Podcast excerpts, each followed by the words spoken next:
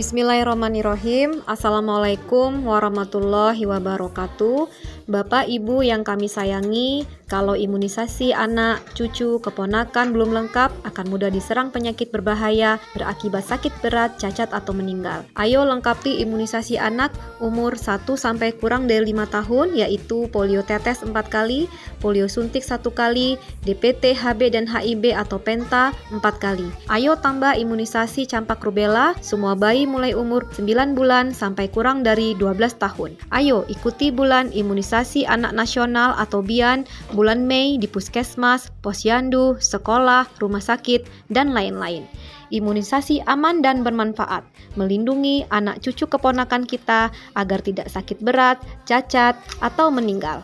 Ayo, sukseskan pelaksanaan bulan imunisasi anak nasional Kabupaten Oku Timur tahun 2022. Mari kita sukseskan Bian untuk generasi berlian, generasi sehat, kuat, dan hebat. Wassalamualaikum warahmatullahi wabarakatuh.